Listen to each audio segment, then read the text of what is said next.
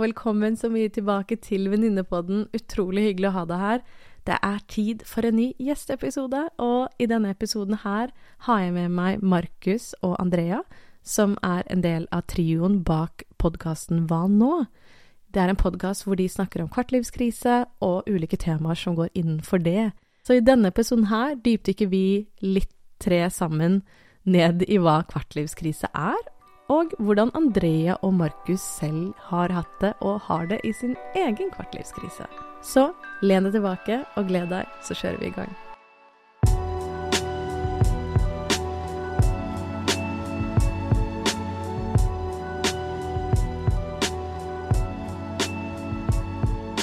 Dere er venner som ikke har sett hverandre på to år? Eh, Ja, det var det da. ja, det var det, det, ja. Ja. For dere kjenner hverandre fra tidligere? Ja. Ja, vi møttes i Bergen. Eh, ja, to år sikkert. Ja, Ja. Det er vel sikkert to år, da. Ja. Mm. Vi hadde tre år i samme rom sammen. Tok vi en kaffe, og så fant vi ut at vi aldri sleit. ja, faktisk. Så da vi sånn, skal vi snakke om det, da, kanskje? Ja, for, for det, da blir jo jeg litt nysgjerrig. Hvordan kom ideen om hva nå til? Slik jeg husker det, så var det i hvert fall at vi skulle Vi ville prøve, først lage en humorpodkast, for vi er så jævla morsomme alle sammen. Og så, og så tenkte vi sånn, okay, hva kan det eh, liksom handle om? Og så tror jeg vi tok utgangspunkt i oss selv, at vi ikke helt visste hva vi skulle gjøre. Og så til slutt så tror jeg den samtalen ble bare veldig dyp. Og så til slutt var det sånn Faen, kanskje det er dette vi skal prate om? Ja. det er så gøy! Uh, og så bare var jeg en av oss som sa bare 'hva nå?' Og det var liksom sånn Det, det er vel den tanken vi alle hadde, da. Ja, Hva nå? det er veld, for dette er et veldig veldig bra navn. Jeg, jeg digger det, jeg syns det er dritkult. Men var det litt sånn promille, litt langt ned i glasset, og så var det bare sånn Dette er en kul Nei, det var en kaffe. Det var Eh. mandag klokken fem Ja, hos Helene med en kaffekopp. ja. Det var så altså, kommunalt så det bare får Og være. jeg tror fordi eh, Helene hadde fått en veldig fin leilighet, så vi gikk jo inn der Ja. og var sånn Oi, ja vel, dette er det man får med jobb, ja. Ok. Ja, Ja. Så vi starta jo bare sånn Ja, ja så du har det bra da, Helene. og så Og dere med hver deres kvartlivskrise. Ja. Og Oh, dere yes. antok at hun hadde alt på stell. Så viste det seg at det har hun ikke. Nei! Det kan se bra ut fra utsiden, men så er det ikke det likevel. Ikke sant? Herregud. Men så det er deg, Andrea, og så er det deg, Markus, og så er det Helene. Ja. Ja, så det er dere tre. Det er oss tre. Og dere har jo da Hva nå? Ja. Kan, du, kan dere ikke bare gi oss en liten storytime about hva nå? Hva, hva er hva nå? Vil du ta den, André? Skal jeg ta den? Jeg tar den. Hva nå er, vi er tre venner som er veldig glad i å lage radio.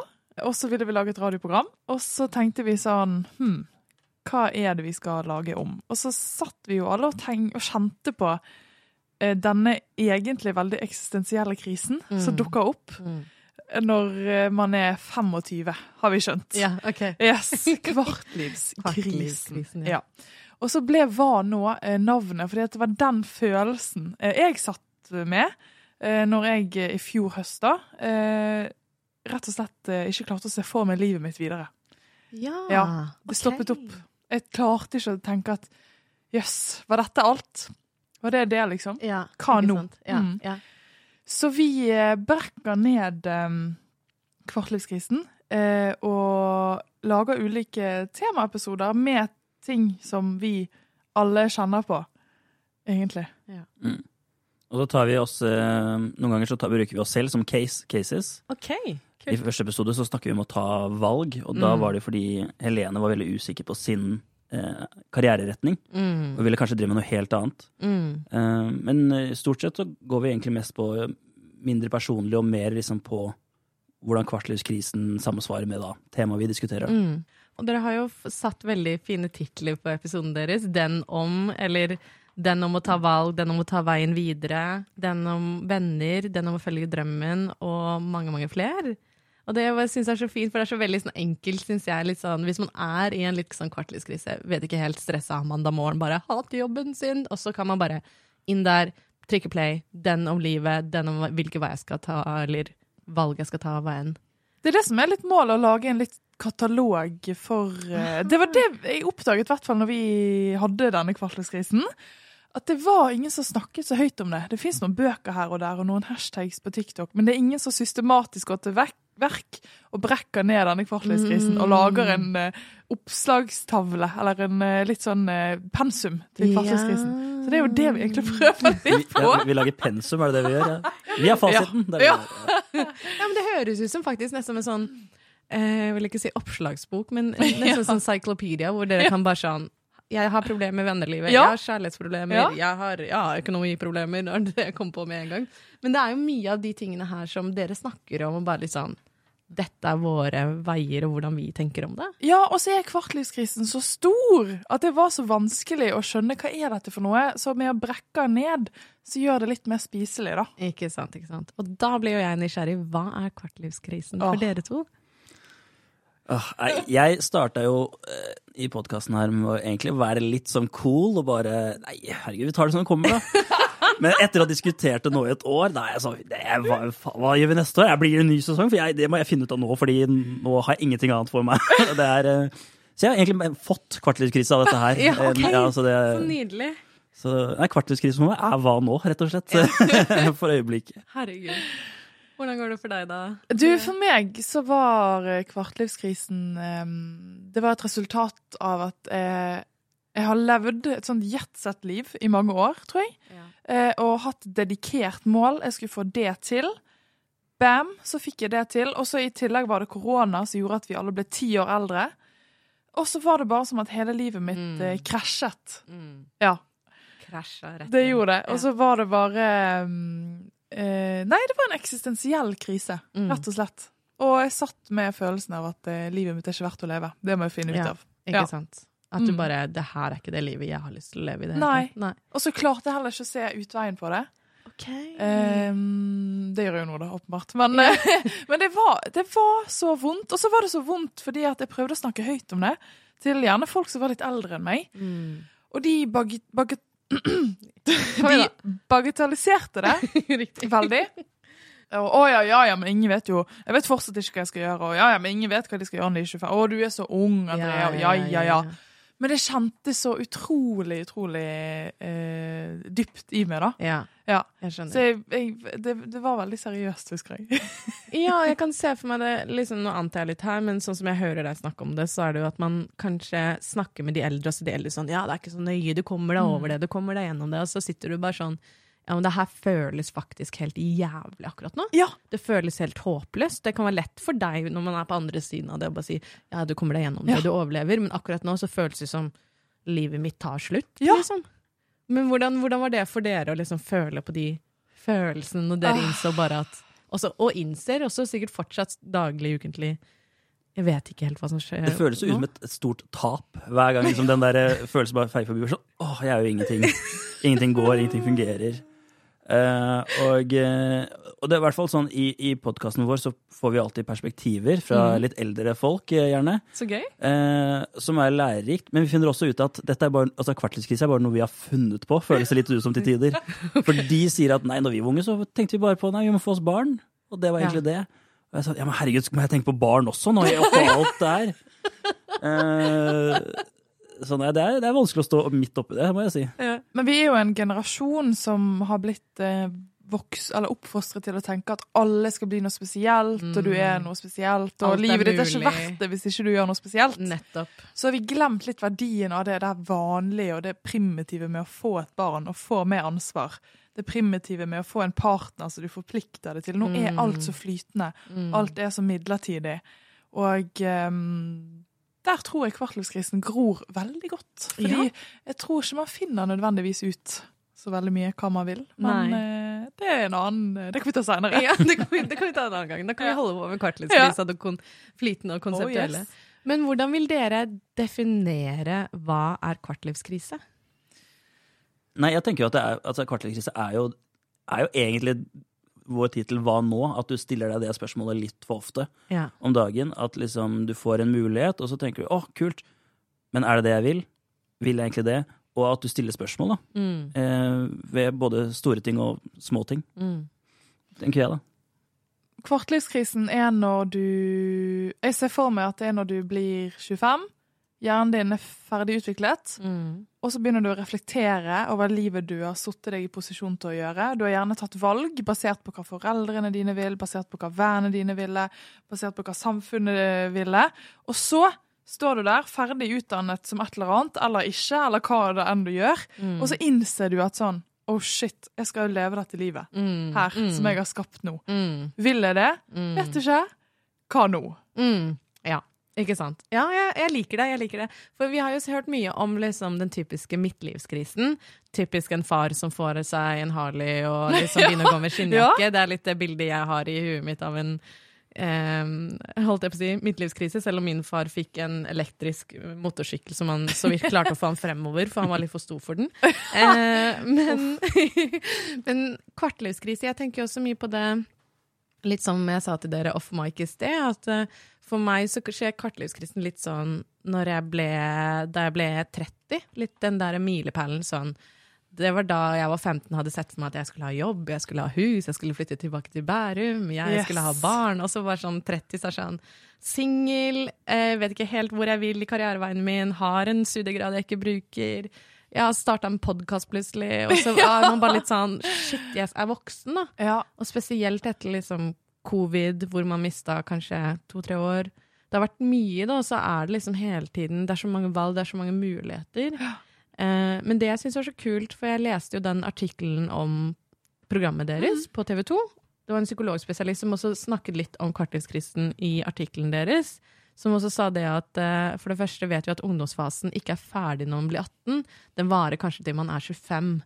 Og det kjenner jeg meg sykt igjen i. For jeg er bare sånn Man får jo høre at man er voksen når man er 18. Jeg følte meg ikke voksen da jeg var 18. Jeg føler meg fortsatt ikke voksen, da, men det er en annen sak. Men det er jo kanskje først når man blir 25, 26, 27, 28, 29, nærmere 30, da, når man kanskje begynner å få litt sånn Å ja, jeg har jo faktisk ansvar for livet mitt og valgene mine. Hvor jeg bor, hva jeg gjør, hvordan er hverdagen min, hva jeg jobber jeg med, hvem er jeg med? Og det er da kanskje mange av disse tankene og litt de spørsmålene som du nevnte, Markus, sånn hva nå? Eh, som dukker opp og man begynner å tenke.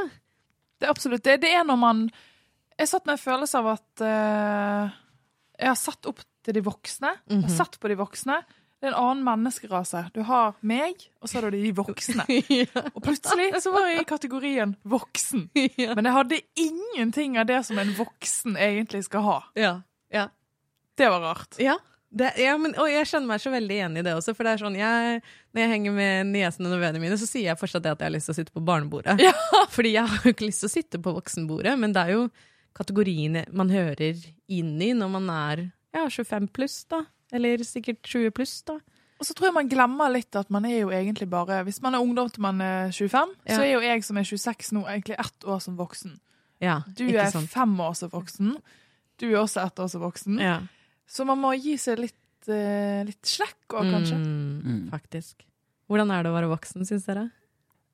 Jeg, jeg kom faktisk på en sånn utfordring senest i, eh, i går, fordi eh, mine foreldre har flytta ganske nærme meg. Ok. Og da sa mamma eh, så hvis du vil, kan du sende opp eh, klesvasken hit, hvis du vil det. Og jeg sa jeg vet du hva, det kan jeg faktisk ikke. Jeg kan faktisk ikke være avhengig av deg for å ha rene klær nå, mamma. Nå er vi ferdig med det. Nå er jeg 26, nå er jeg ett år som voksen, nå det går ikke Det lenger. går ikke. Ja, så det måtte jeg takke nei til, rett og slett. Men det var litt vanskelig, Ja. faktisk. Jeg kan se for meg at hvis du hadde gjort det, så hadde det kanskje forverra den kartlivskrisen din Ja, absolutt. litt mer, ja. faktisk. Ja. At jeg måtte ringe mamma hvis jeg ikke hadde rene nok bokser, liksom. Det hadde vært helt grusomt.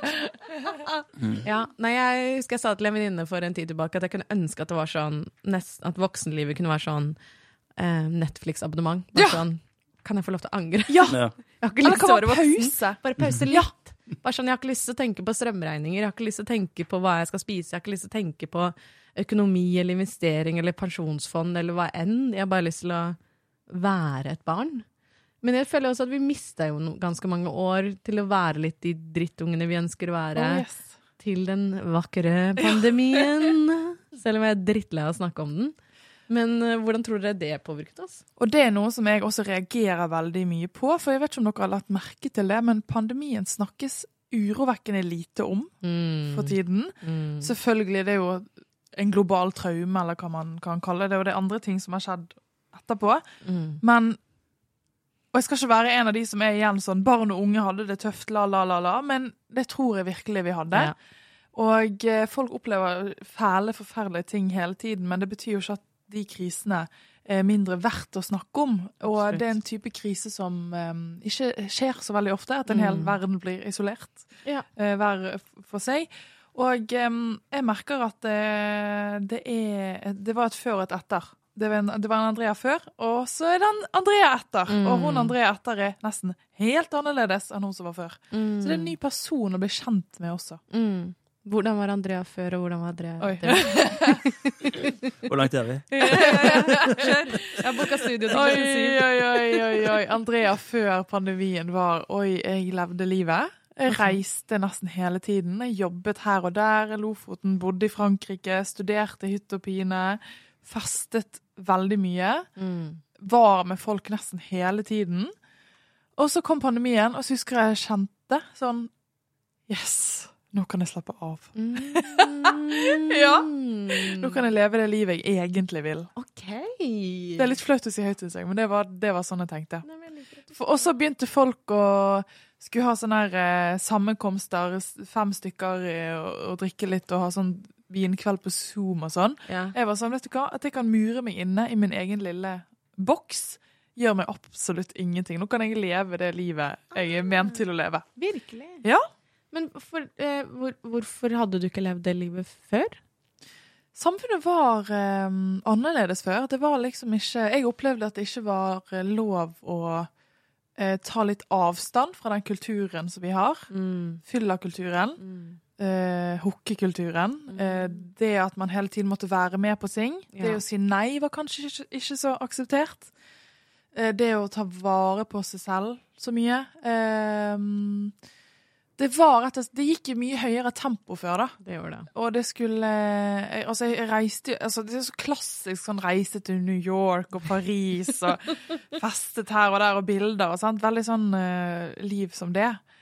Men egentlig så er jeg en veldig rolig person som liker å være i mine egne tanker og gå en rolig tur i skogen. Og det livet der føltes eh, så primitivt, lite spennende og for enkelt før. Ok, Skjønner. Men det er egentlig sånn jeg liker det. Ja. Så du er egentlig ganske glad for denne pandemien? Det tok tre år av livet vårt. Ja, men det um, Nå høres det jo veldig romantisk ut når jeg snakker tilbake om det. Den ensomheten jeg jo opplevde da, var fysisk vondt. Det, det, det må jeg også eh, tenke på. Så jeg, jeg tror også at det, det ga meg litt for mye rom til å selvisolere meg. Så jeg prøver å jobbe med det nå, da, som er er, nå i kvartlivskrisen. For det er så lett å Det er behagelig å isolere seg selv, men det er ikke sunt, tror jeg òg. Så det er en hårfin balanse. Ja, men jeg, ja, jeg tror virkelig du Jeg kjenner meg igjen i det du sier, og jeg tror virkelig på det at det er så lett å isolere seg, for man har så lyst til å bare OK, men jeg har disse problemene, la meg bare deale med de Yes! alene. Yes! La meg bare deale med det i fred. Så kan jeg bare sortere det litt. Og når jeg har sortert ferdig tankene mine og stresset mitt og angsten min, da kan vi snakke om det. For da har jeg Yes. oversikt. Men jeg tror ikke du kan sortere tankene alene heller, sant? Så det, går, det blir en sånn ond spiral. Jeg vet. Det er, det det er en ond spiral. Så Ja. jeg, jeg hører at du jobber med det. Så det er litt sånn våge å sette det ut der og snakke om det, men også bare sånn ja, ikke for mye heller. For man må ikke, sånn som jeg alltid sier, man må ikke for langt ut av komfortsonen.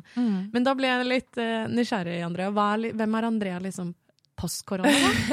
Midt oppi kvartlivskrise eller det ene og det andre? Um, Andrea post korona er jo Det er en som prøver å bli eh, kjent med den Kjendis, liksom? I alle dager.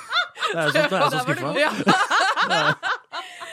Nei, eh, en Andrea som prøver å bli kjent med den kvinnen jeg skal være. At det høres veldig svevende ut, kanskje. Men jeg føler at før pandemien så levde jeg et liv jeg trodde jeg ville leve, som jeg trodde alle andre ville skulle leve.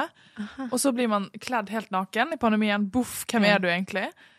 Og så prøver jeg å bli kjent med nei, hvordan vil jeg være in the long run? Mm.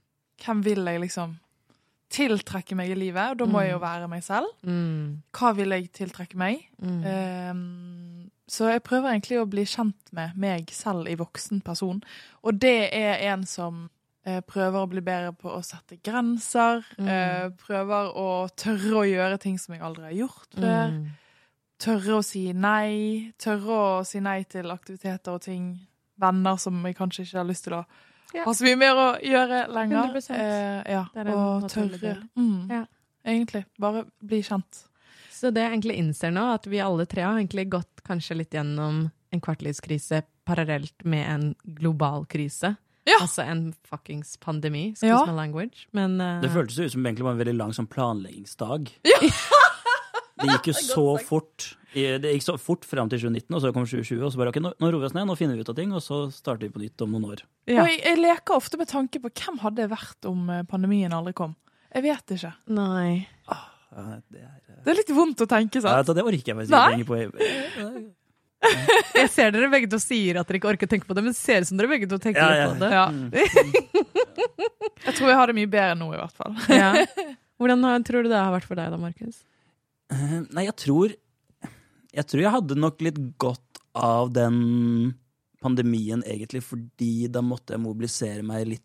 Jeg var jo på en måte sosial før pandemien, men jeg tror liksom at jeg var alltid litt ukomf. Mm. Og nå var det litt som Ja, ok, men nå, nå får du ikke noe hjelp fra samfunnet her. Nå, nå stenger vi. Ja. Og da var jeg sånn, ok, shit, hvordan skal jeg ikke da ja, bli være min egen boble for alltid her nå? ja. Så jeg måtte da mobilisere meg litt og liksom arbeide for å komme med på disse ja, eh, vinkveldene på Zoom. Og vi ble en gjeng som hadde quiz på, over på Zoom, og det var kjempegøy. Og da, jeg, så jeg føler jeg kom veldig sånn sterkere mentalt ut av liksom av eh, pandemien. Jeg Ja. fikk, jeg fikk litt sånn lengre sosialt batteri av det, for det var ganske kort før. Oi. så så ja, jeg, følte, jeg føler litt sånn at jeg, at jeg kom ut som en sånn Pandemien var jeg litt en sånn der, hva heter det, kong-kong? Sånn, Og så kom jeg ut som en sommerfugl. Uh, det er bare sånn jeg ser på meg selv, da. Men ja, Jeg liker at du ser på deg selv som en sånn nydelig sommerfugl. noen må gjøre det i hvert fall. Men jeg har jo, eh, i den grad jeg har dykket ned og gravet i kvartlivskriselitteraturen, så Ja. er jo det ikke så mye som er tilbake. Men det første, jeg tror den første boken som er liksom kjent, som kom ut, det var i sånn 2015. Okay. Så det er jo et relativt nytt begrep. Og jeg Ja. tror Jeg har en mistanke om at Og algoritmene på TikTok og hashtagsene på TikTok er jo sånn at det, det kom litt sammen med pandemien. Ja. Så det er gjerne ikke så rart at vi fikk jo veldig mye tid til å stoppe opp og tenke Mm. hvem er vi egentlig, hva vil jeg, hva vil jeg gjøre når verden åpner igjen? Ja, men det ga oss en, virkelig en sånn tid til å bare sånn stoppe opp. bare sånn, Hva driver vi med folk? Mange ble kanskje permittert fra jobb, mange ble sendt på hjemmekontor og fikk liksom sånn OK, hva bruker du faktisk Ja. livet og tiden din på? Og litt sånn den påminnelsen om at livet er kort, men livet er også langt. Eh, den tiden du har her, hva vil du bruke den på? Og liksom når vi også plutselig bare ble nekta å dra på tvers av landegrenser, så var det bare sånn OK, jeg trenger å reise. Ja. Men når man er 30, da, sånn som jeg kjenner på, at når man er 30, så skal man jo liksom finne seg en partner og slå seg Ja, til ro. Liksom ja. følge samfunnets normer og regler på det. Eh, men så er jeg bare sånn Å ja, nei, jeg har lyst til å reise og bo på hostell og alt det, men det er kanskje litt rart. Og så får man sånn nesten en sånn jeg vet ikke, jeg vil nesten si en sånn identitetskrise, for man vet ikke helt hvem man er, men man har ikke fått utforsket det. For den tiden vi alle tre skulle kanskje utforsket det, måtte vi sitte hjemme på Zoom, eller ja, så nok en, binge nok en serie, eller kanskje lærte oss å strikke. Og utforske oss i vårt indre, som jeg tror ikke er så sunt heller, bare sitte og reflektere Nei. hvem Ja. Sitte i sin egen sånn boble, og bare sånn, hvem er jeg, hva vil jeg, og så er det bare sånn, nei, jeg tror vi trenger bare å komme oss litt ut. Og så er jo det det her som du var inne på med de eh, samfunnsnormene, da. Mm. Eh, jeg har ikke kjent meg så mye igjen i de. De har aldri vært et sånn konkret mål for meg. Nei. Og da ble det veldig vanskelig For jeg har, har mange venninner som har liksom OK, jeg skal ha leilighet sånn, jeg skal ha master sånn, jeg skal bli det og det yrket, jeg skal få type sånn. Så de, de lever på en måte bare livets glade dager sånn. Mm.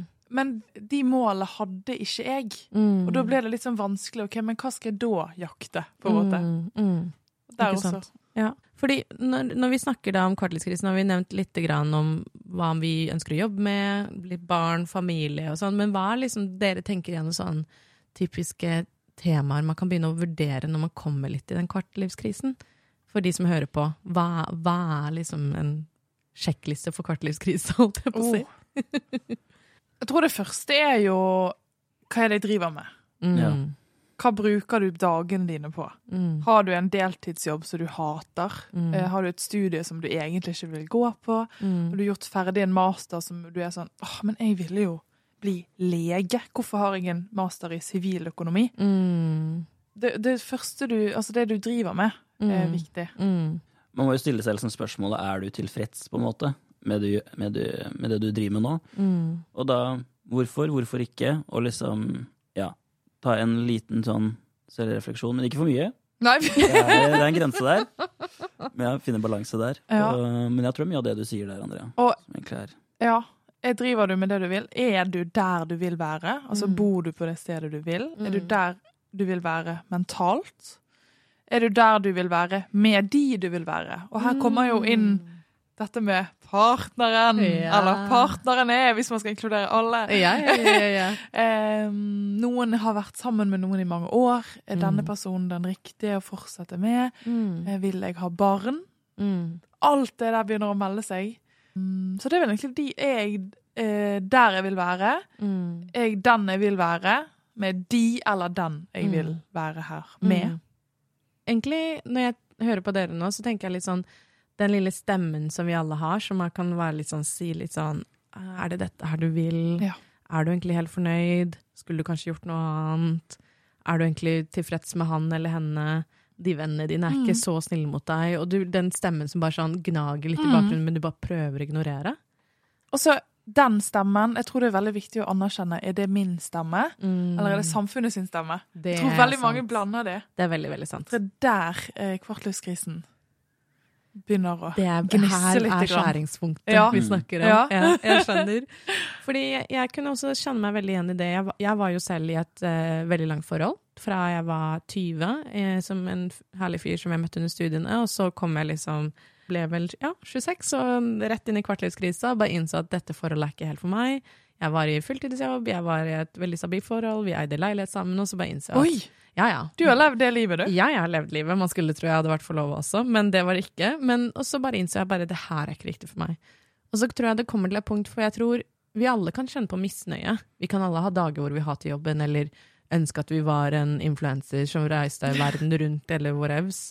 Men jeg tror vi alle kan kjenne på misnøye, men når den misnøyen blir såpass stor at du ikke kjenner den samme gleden, da. Misnøyen blir såpass stor at du tenker så mye på den, det er da man kanskje faktisk skal stoppe opp og lytte litt, og sånn som da Markus tenker litt, i hvert fall ikke for mye, men se litt ok, hva, hva skjer, hva kan jeg gjøre annerledes, hva er det jeg trenger nå for å kunne ha det bedre med livet mitt, da. Og det var litt det som skjedde for meg, at jeg bare sånn, jeg trenger å gjøre noen endringer. Jeg fortsatt å jobbe med de endringene, men øh, det tror jeg også er litt den dansen i det, at man må være litt tålmodig, at de endringene også tar litt tid, da. Absolutt. Og så tror jeg hvis ikke du tar de endringene nå, som du gjorde da, Ja. så forplanter de seg i en midtlivskrise. 100% Ja. Og den tror jeg blir enda verre. Ja, ja, ja. Og jeg tror det er veldig lett å bare sånn utsette og utsette og utsette og utsette. Og jeg tror det er også det, selv om jeg er litt sånn lei av å snakke om pandemien, men jeg tror det også det kanskje pandemien gjorde for mange av oss, er min antakelse, at det kom til et punkt hvor vi ikke lenger kunne utsette. For det så oss ekstremt i trynet, bare sånn Hallo, Ja. liker du egentlig det livet her du lever nå? Eller skal du kanskje ta en annen vei? Jeg har ikke tenkt på det så tydelig før nå, men det gir jo veldig mening. Hele verden stoppet opp. Og så ble alle stilt til veggs og var sånn, var sånn Hei, hvem er du, Ja. egentlig? Ja. Når ingen ser på.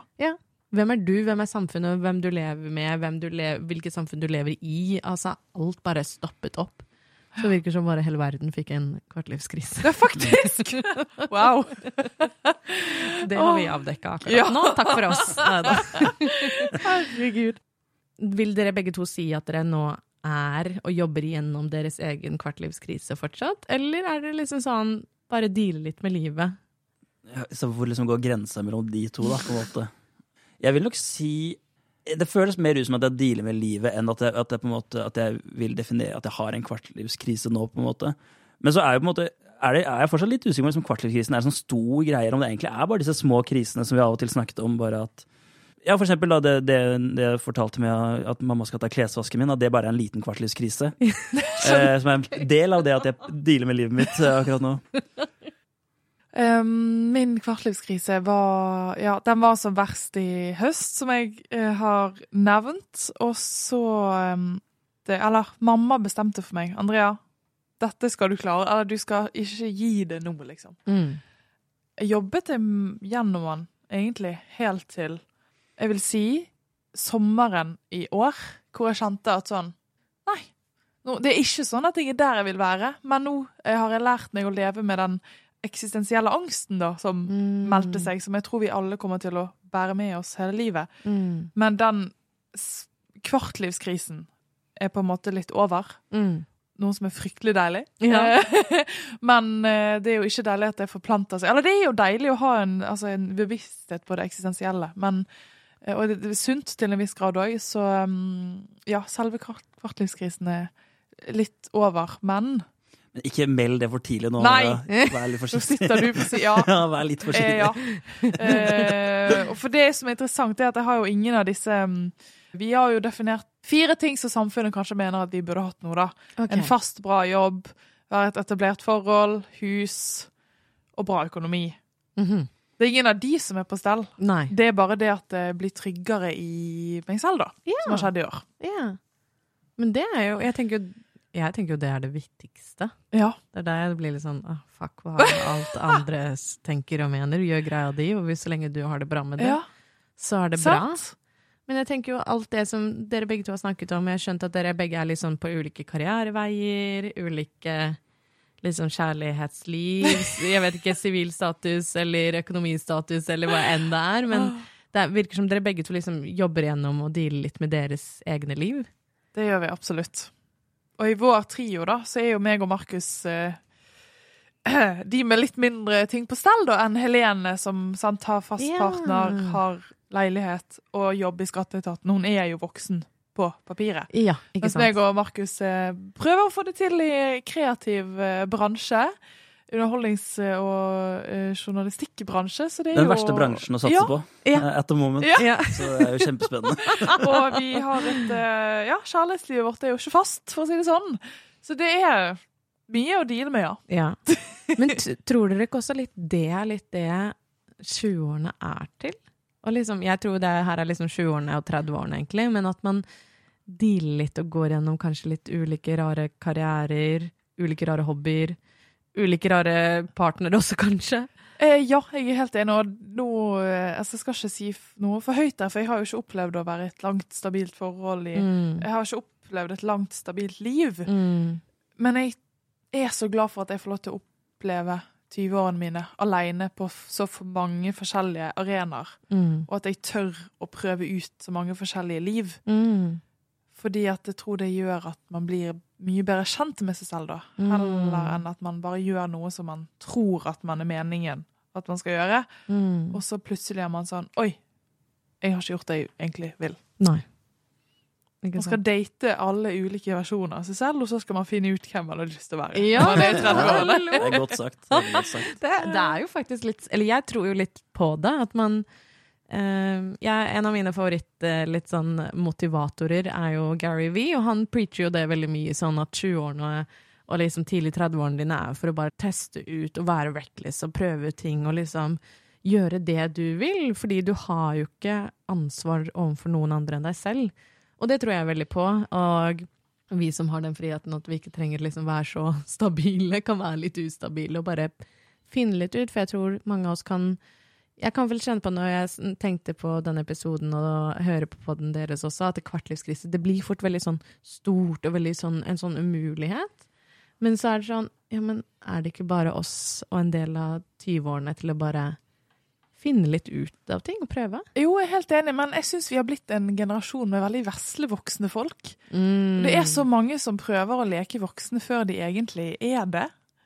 Og da Vil du nevne navn nå? Nei! nei, nei eh, og vet du hva? Eh, og, det, og hvis det er det folk vil, kjør på. Men så lever vi jo en tid hvor sosiale medier er jo en så utrolig viktig del av hverdagen vår. Og jeg skal Mm. innrømme at jeg sammenligner meg. Sammenligner meg med mm. folk som i gåsetegn får det til, og Mm. folk som ikke får det til, og folk som er langt fremme der eh, foran meg. Og um, kanskje det har også bidratt til å gi oss denne kvartlivskrisen, at det er så stort sammenligningsgrunnlag. Og det er også litt flaut Mm. å anerkjenne. Og så skal jo jeg ikke eh, si at folk ikke skal få lov til å etablere seg og gifte seg og alt det der, Mm. men um, jeg syns vi har blitt veldig flinke og veldig veslevoksne. Mm. Kanskje glemt å leve livet litt òg. Men det er også noe med det at uh, i hvert fall Jeg husker når vi hadde den episoden om å etablere seg, og vi skulle definere hva var det å være etablert, så hadde jo jeg og hun Helene to helt forskjellige måte, beskrivelser, men ingen av de var på en måte feil. Nei. Eh, og det var jo sånn fint at, eh, at det ikke fins en felles sannhet her, at man har hver sin sannhet, egentlig, på hva ja, hvordan man skal finne ut av ting, da. Ja, men den felles sannheten blir litt sånn utfordret. Eller den egne sannheten blir så utfordret når man ser alt på sosiale medier. Det er sant. At det nesten blir en felles sannhet.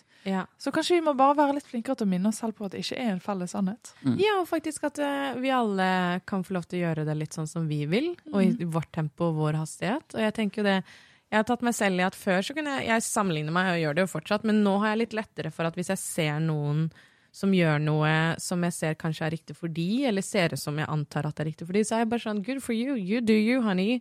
Men jeg skal gjøre meg, og det er kanskje ikke å etablere meg akkurat nå, fordi jeg har mine andre drømmer og aspirasjoner og hva jeg vil gjøre. Så kanskje litt det at som det er en sånn enighet at alle kan gjøre sitt litt eget. Helt enig. At jeg tror det kan være en fin mulighet. Ja. Og og det der å få lov til å si høyt at Vet du hva, jeg har lyst til å etablere meg. Jeg har Mm. lyst til å få barn. Jeg har lyst til, å bli- lyst til å bli gift. Mm. De tingene har vi også glemt litt òg. Mm. Så jeg jobber litt med å innføre det i livet mitt. At det er ting jeg har lyst på. Det har vært litt flaut å si høyt før. Mm. Men også kanskje det at det høres ut som dette er ting som er litt nye for deg, da, at dette er det du vil. Ja. Jeg tenker det også er en del av 20-årene og litt den derre 20-30-årene er å finne ut sånn hva er det du vil. For, jeg kan se for meg at jeg vet jo av mange venner og mennesker jeg møter og snakker med, at de er litt sånn ja, men jeg vet ikke hva jeg vil. Jeg vet ikke om jeg vil ha en partner, jeg vet ikke om jeg er heterofil, jeg vet at det, det er mange store spørsmål. Da. Bare sånn, jeg vet ikke om jeg vil ha en 8-4-jobb, jeg vet ikke om hva jeg vil studere. Alle snakker om at man skal ha en hobby om dagen, jeg vet ikke hva jeg liker engang. Hvordan er det man, eh, Hvilke råd ville dere gitt til de som er litt i den kvartlivskrisen, at de er litt sånn De aner ikke hva de skal svare til sitt eget hva nå? Jeg ville jo sagt først og fremst at det går fint.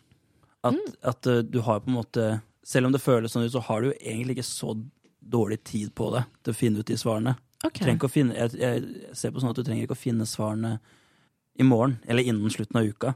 Uh, men jeg tror det også er fint at uh, hvis du er så usikker, at det er fint at du tar noen oppgjør med det. da. At, uh, at du ikke skal bli fornøyd med å være en person som ikke vet hva man skal gjøre, men at du tenker ok, det går fint å si det nå, men kanskje begynne å tenke på det etter hvert. Ja. tenker jeg da. Hvordan tenker du at man kan gå frem med det her, da, hvis man skal gi noen idé om hvordan skal man finne ut av det?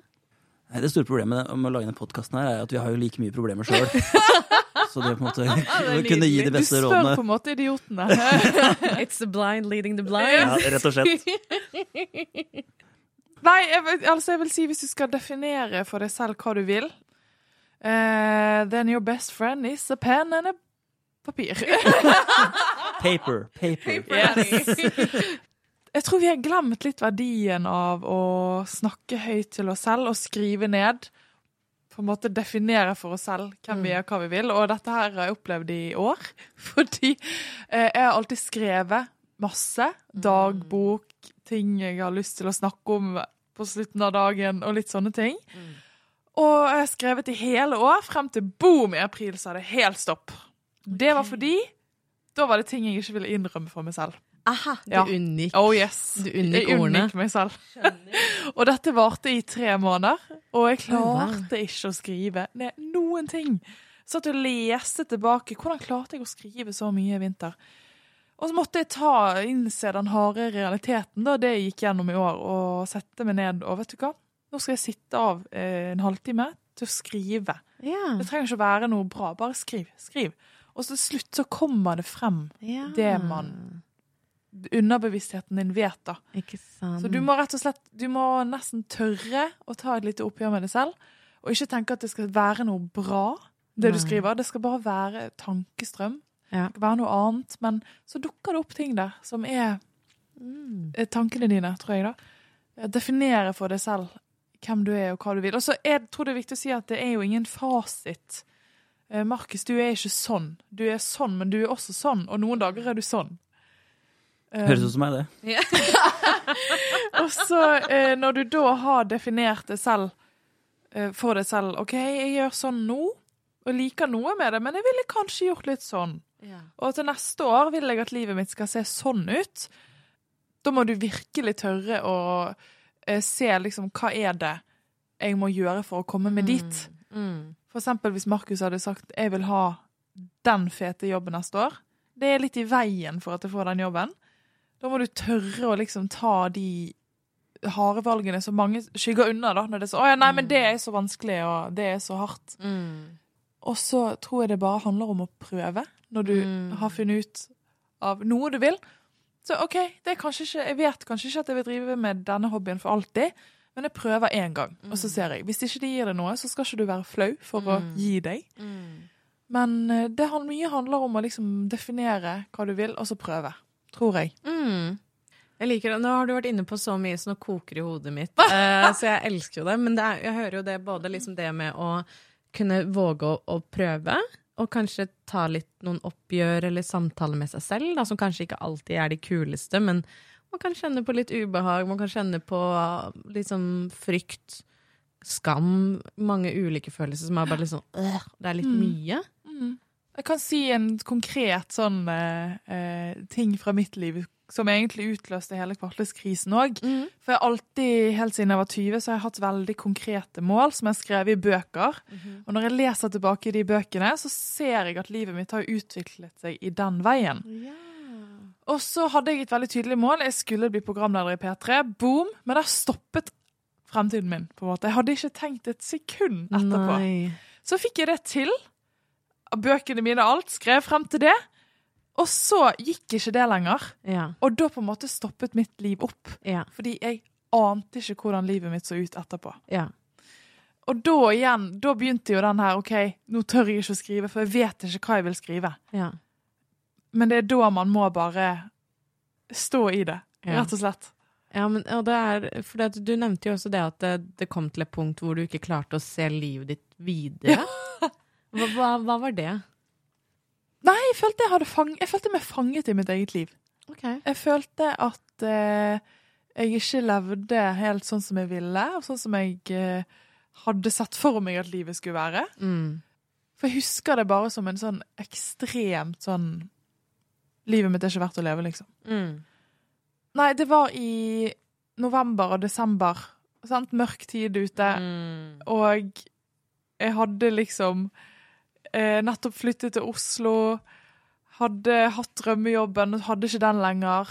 Eh, hadde ikke så mange venner som var der jeg var i livet. Hadde ikke så Mm. mange Hadde ingen fellesskap som jeg naturlig falt inn i. Nei. Jeg kjente enormt på ensomhet. Mm. Jeg kjente på skam.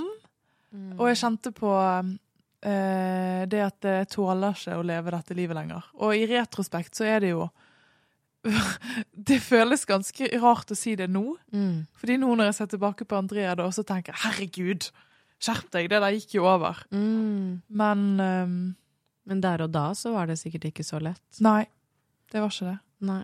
Men det jeg gjorde etterpå, da, for å liksom komme meg ut av det, var å museskritt prøve å leve det livet som jeg ikke hadde turd, og det som jeg hadde gjemt meg unna i dette store målet, da, som var liksom P3, egentlig.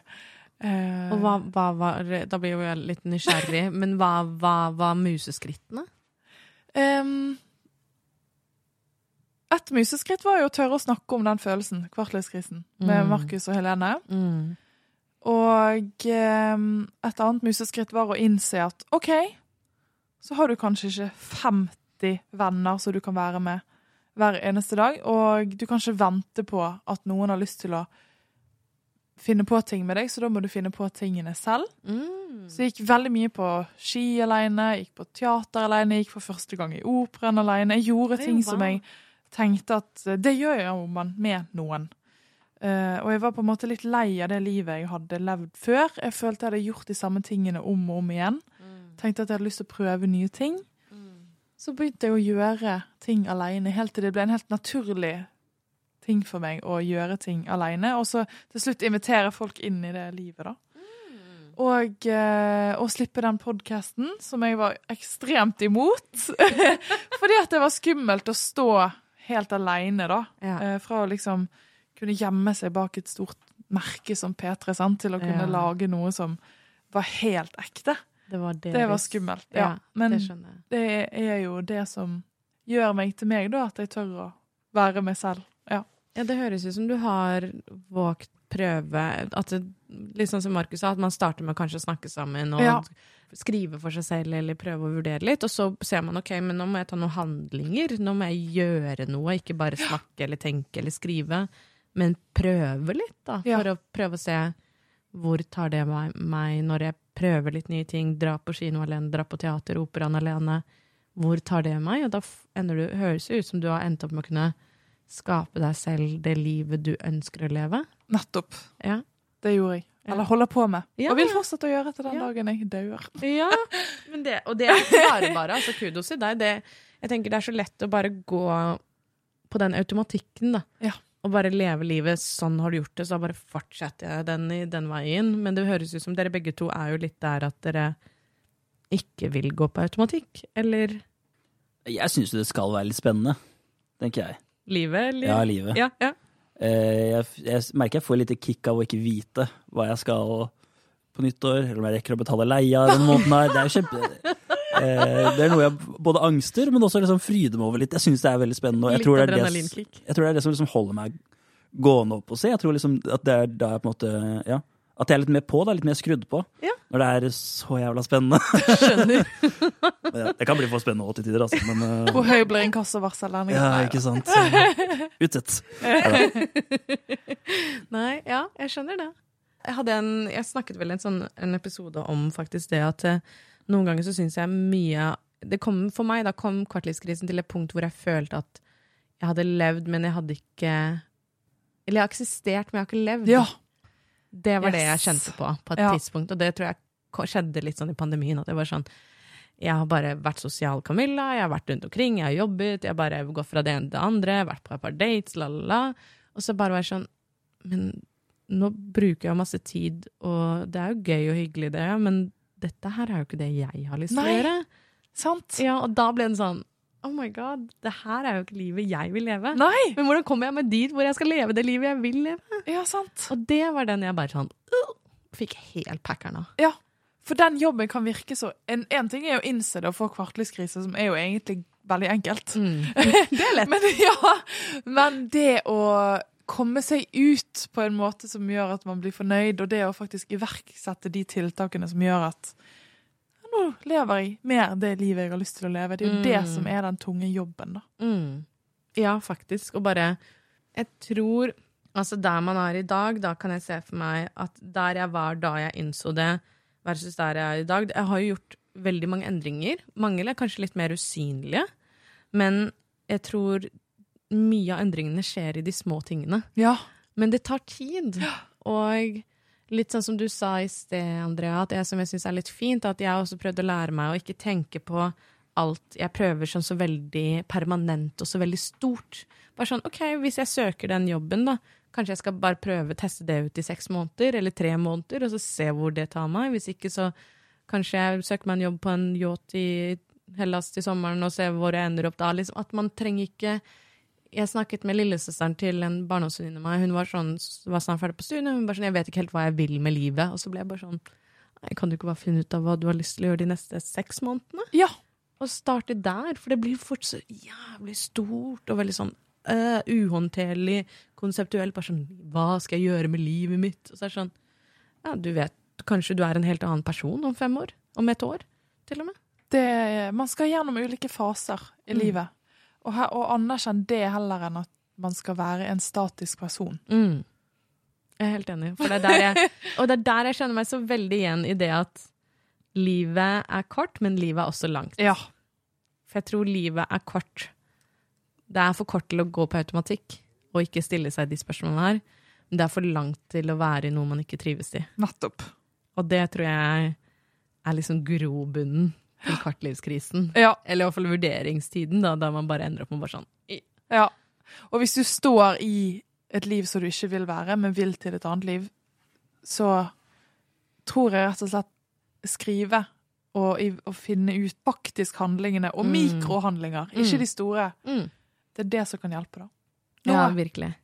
Det tror jeg. Hva er, hva er livet ditt nå, og hva ønsker du at det skal være? Liksom, hva er veien fra det ene punktet til det andre punktet?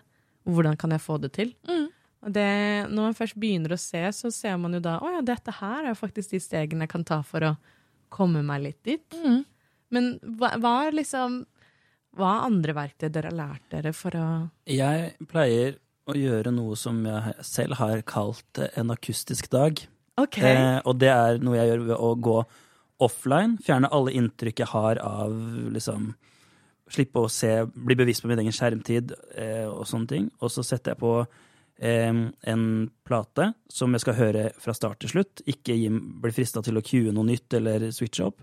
Og så setter jeg meg ned og pusler.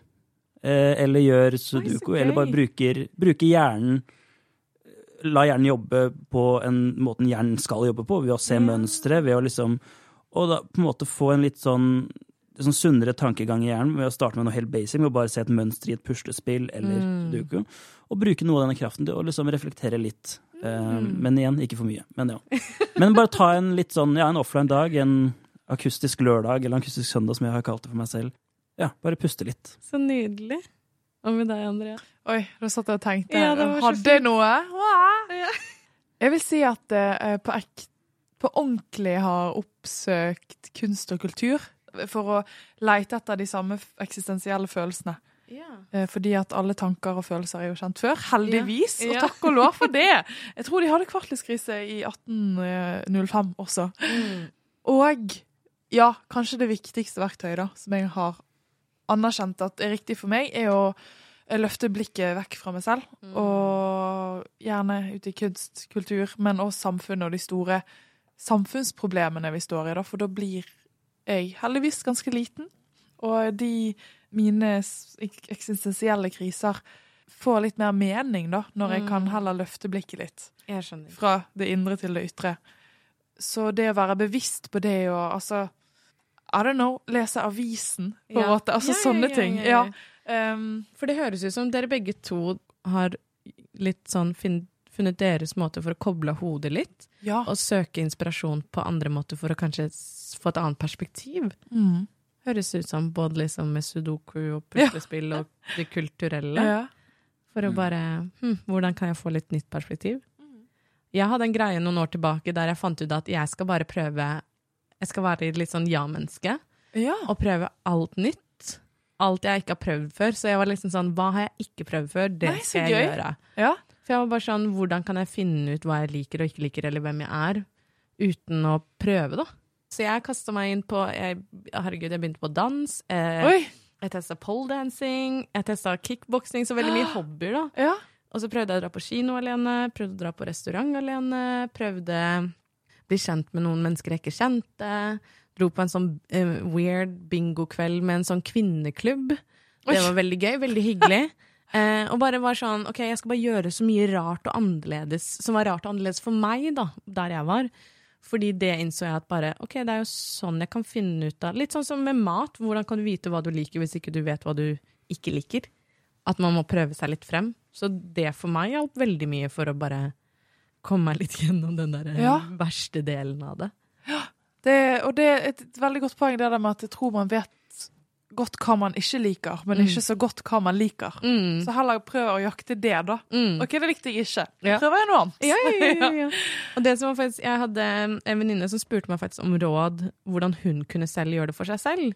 For hun syntes det var vanskelig å finne ut av hva hun skulle gjøre, eller prøve eller teste ut. Og så var jeg sånn, ok, be en av dine nære venninner gi deg fem ting du skal teste ut. Oi! Så enkelt som å prøve en matrett, Ja.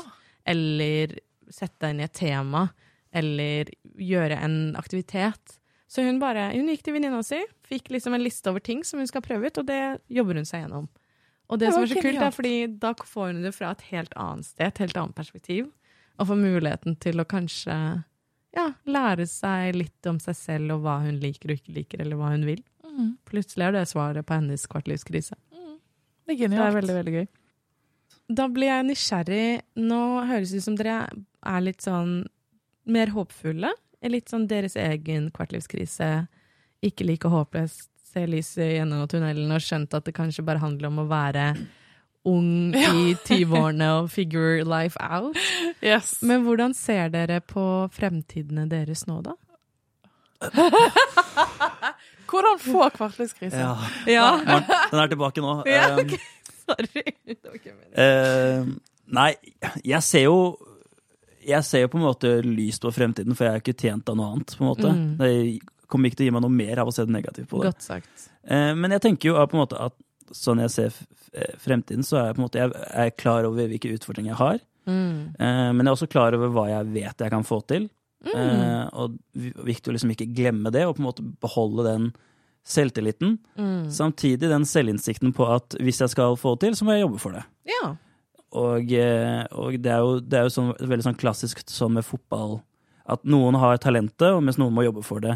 Og jeg har innsett at jeg må jobbe for det. Mm. Eh, men jeg vet jo at, det, at når jeg gjør de tingene jeg, jeg vet jeg liker altså Det er ingenting som føles mer riktig Mm. enn når jeg utfolder meg kreativt. Så jeg veit jo at det er, det er min på en måte vei fremover. Mm. Og så må jeg bare finne ut liksom hvordan, hvilken retning jeg tar, da. Mm. Mm. Eh, Så jeg er jo på en måte mm, håpefull, og, men òg motivert, da. Ja, Sånn, den vel det. så fint. Ja, for det, jeg hørte liksom når du snakket om underveis at du, du virker litt sånn Usikkerheter kan være en fin ting, hørtes litt sånn ut som du snakket også om. Ja, men det tror jeg absolutt det er. Jeg tror Ja. man skal kjenne på litt uh, Du må på en måte være litt Ja, ha den selvinnsikten og vite at ok, her, her må man uh, jobbe litt ekstra for ting, og Ikke sant? Alt kommer ikke gratis. Du skal ikke ha svaret på alt alltid. Nei, det tror jeg ikke er lurt. Nei, Jeg tror også livet blir kjedelig hvis du svarer på alt. Du må, det er det, sant. det morsomste er jo å finne ut ting. Ja, Enig. Hva tenker du, Andrea? Jeg har gått fra å se på fremtiden min som det mørkeste hullet i verden, til å være sånn Hvordan skal jeg overleve det her? Til å Jeg kan få sånn sitring i kroppen sånn. Mm, yeah. Gud, jeg gleder meg til hva skal jeg, Hvordan skal min fremtid se, se ut? Og jeg kan ringe mamma av og til og være sånn Åh, jeg lurer på hvordan liksom huset mitt skal se ut, og kanskje Ja. hvem gifter jeg meg med, hva skal jeg drive med, og sånn. Og så sier Ja. hun Men Andrea, du skal ikke vite det nå, sier hun. Og da blir jeg sånn Nei, det skal jeg ikke. så jeg ser veldig lyst på fremtiden min, og eh, jeg jeg takker meg selv for det arbeidet jeg gjør nå med å liksom tørre å være mitt autentiske jeg, for jeg tror at det er da, Mm.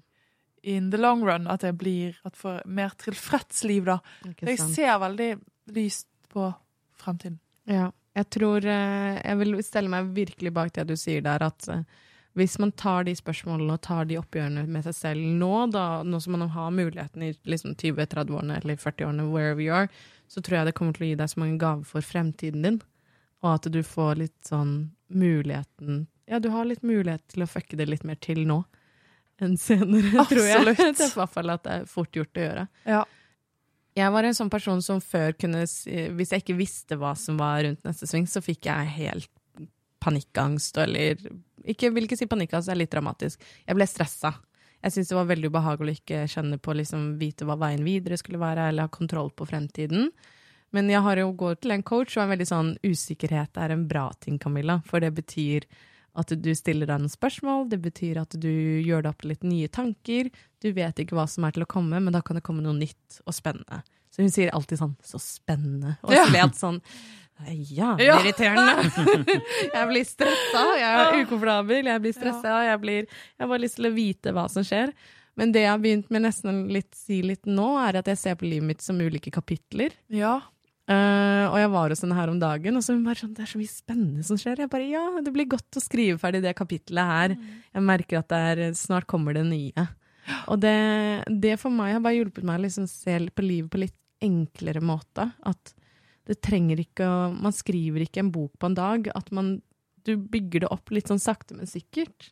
Med det små, med det fine, og så plutselig Dere vet sånn når man plutselig ser tilbake på livet, og så er en ting som bare virket litt sånn ikke så viktig, bare viser seg bare sånn Å ja, men det var det som fikk deg til å gå den veien, eller møte de personene, eller få deg den jobben. Og så plutselig så har livet liksom bare skjedd, og utfolder seg på liksom de mest magiske og nydelige måtene. Det bare, det får, da skjønner jeg på den der liksom pirringen Ja. som du mener, Andrea. Bare liksom, Å, herregud, så gøy! Altså, livet, livet kan skje rundt enhver sving, da. ja. Og så tror jeg vi er veldig glad i å holde fast i det som var. Det er i hvert fall jeg. Gud, jeg er nostalgiker. Ja. Så der tror jeg den kontrollen med å ikke Der tror jeg den følelsen av å ikke ha kontroll Ja. kommer. Ja. At man blir litt sånn 'Å ja, men det var jo så bra'. Så det skal jo være med i livet mitt. Men det å tørre å gi slipp, da. ja.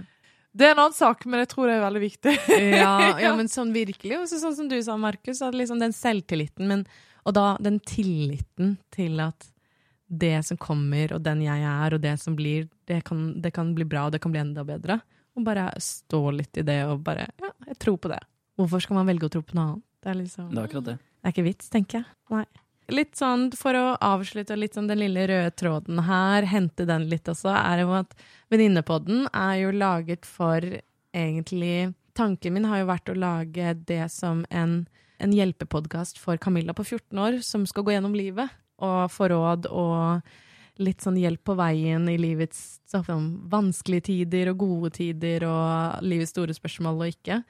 Hvilke råd ville dere gitt til litt 14 år gamle Andrea og Markus? Hvis dere kunne gitt liksom ett råd. 14 år gammel. Ja. Ikke, ikke sykle så fort hjem, for jeg, knakk, jeg ble påkjørt og knakk beinet. Så det er det første jeg må bare på. Um, nei, jeg, jeg ville nok Altså, jeg ville jo sagt Vær forberedt på kaos i huet, men, eh, men prøv å se lyst på det. Kaos kan være bra. Kaos kan være absolutt veldig bra. Ja. Eh, jeg tror jo at, eh, at de gangene du føler deg ukomfortabel, er de, gang, de stundene du må virkelig sette pris på. Ok. For det er der da du kommer til å jobbe hardest, tror jeg. Hvordan da, tenker du? Jeg tror Det er litt sånn som det jeg sier med måte, at når du på en måte At du har selvtilliten om du har selvinnsikten, at det at du er ukomfortabel, gjør at du har lyst til å stå på. Og det gjør at du har lyst til å gjøre noe med det, fordi man vil jo ikke være ukom ukomfortabel lenge. Jeg tror det er så bra å føle seg litt sånn usikker, litt ukomfortabel, og bare For da tror jeg man er villig til å virkelig Pushe litt ekstra pushe litt på. ekstra på. Ja. Mm. Kult. Jeg liker det. Kult. Hva med deg? Vær deg selv og vær tro mot di, dine verdier alltid, uansett hva. Det var, okay. ja, det, Og hva legger du i det? det legger jeg i at jeg var ekstremt usikker da jeg var 14, Mm. og egentlig i hele tenårene, som alle er, som er veldig sunt. mm. En del av det. Ja, og så Men det å tørre å være seg selv Ja, nå må jeg tenke hvordan jeg skal si det. da. Nei, men hvis du tør å Oh my god, jeg klarer ikke, ikke til å få det til ikke høres klisjé ut. Det var det. Jeg, Andrea, jeg dør for klisjeer. You come to the right place, 14 honey. år gamle Andrea hadde også sikkert elsket klisjeer, tror du Ja. ikke? Gi meg noen, gi meg noen gode klisjeer. Oh my god. Nei, men jeg tror det at hvis du tør å være det selv, så er det veien til et mer tilfreds liv. Ja. Og um, det er sånn du, du Det er så lett å være noen andre. Det er så lett å ta på seg noen annen sin drakt. Det er så lett å på en måte Gjøre bli som alt annet. Ja, bli Mm. føyd inn. Og, og det med verdier og liksom Hvis du har ditt eget verdikompass å styre etter, så blir det lettere å stå. For som Markus sier, det, livet er et kaos. Mm. Og det kommer kriser og kriser og kriser. og kriser. Men hvis du selv står stødig i deg selv, så klarer du en å navigere deg mye bedre i valg. Mm. Du klarer å luke vekk det som er for deg, og det som ikke. Og så klarer du også å, i en verden full av drit, så klarer du å liksom se sånn OK, men her kan jeg bidra. Her kan jeg gjøre verden til et litt bedre sted. Og det at du klarer å, få vekk alt annet sånn støy Mm. som når man er tenåring virker altså så grusomt Mm. og så definerende. Mm. Gutter som ikke liker deg, gutter som mobber deg, og jenter som ditten og datten. Mm. Men så er det Det, det teller jo ikke in the long run. Det er Det er hvem du er, og hvilken karakter du har. Og det står stødig i det, rett og slett. Ja. Ja. Ikke skolekarakter, viktig å si. Ja. Ja. Nei, men nydelig. Men litt sånn, eh, hvor er det man kan finne podkasten deres, da? Hvor er det, da? Ja. Spotify? Spotify. Jeg, jeg er ikke noen andre steder, er? Der, der du hører Der pod. du hører podkaster, er vi å finne. Ja. Der du hører denne podden. ja. Der, der hører man Hva nå? Ja. Og det kommer ny episode hver måned. Ja. Vi prøver på det, i hvert fall. ja. Skjønner. Se på det som en hyggelig overraskelse. Og eh, til alle Friends-elskere der ute, så er jo titlene våre Dette må vi jo si høyt, da, som er jo det en hommage til Friends. Å jeg er det? Ja, Ja, ja. stemmer det. Ja, få høre. The one about Ross. The one about Ross and Rachel. The one about oh, ja. ja. Så det er litt sånn artig. Den er Fun fin, fact. da. Ja, du sitter og snakker til en som aldri har sett Friends. det, men det er sånn Ja. brannfakkel, holdt jeg Ikke si Ja. brannfakkel, men det er veldig upopulær mening. Eh, men OK, Ja. kult! Jeg visste ikke det. Veldig, veldig gøy. Det var veldig hyggelig å være gjest. Ja, Ja. så hyggelig! Veldig gøy. Og det er slitsomt å prate om sånne store temaer, men det er også veldig gøy og veldig spennende å høre, høre hverandres perspektiver. Ja, veldig gøy. Veldig hyggelig å ha dere med. Ja. Altså, tusen hjertelig takk. Jeg, vi har jo bare blitt kjent gjennom TikTok. Ja. Så det er bare hyggelig å kunne liksom sitte og snakke med dere, og, og også sitte og snakke med dere i en mikrofon og ha dere på øret, enn å ikke bare ha dere på øret. Ja! Så det er veldig, veldig gøy. Så Ja. takk for at jeg fikk lov til å grave i kvartlivskrisehodene deres. Takk, takk for at du gravde. Og jeg vil, altså, jeg vil bare også si sånn her at det Eh, Dette er jo irriterende når noen sier at det går over, men det går jo over. Det er sant. Den blir mildere, og den blir levelig. Mm. Og heldigvis, og takk og lov for kvartlivskrisen. 100% Og takk for at den ikke knakk. Uten det hadde vi ikke hatt en pod. Så Nei, takk Gud for den. Ja, det er det. Nei, men Tusen hjertelig takk, Andrea og Markus, for at dere var med oss. Så må vi gi en liten kjærlighets-shout-out til Helene. Ja. Som ikke, er, eh, ikke henger her med oss i dag. Så uansett, tusen hjertelig takk for at dere har vært med i dag. Det betyr veldig mye. Tusen Takk. Takk for at vi kom. Yeah. Yeah.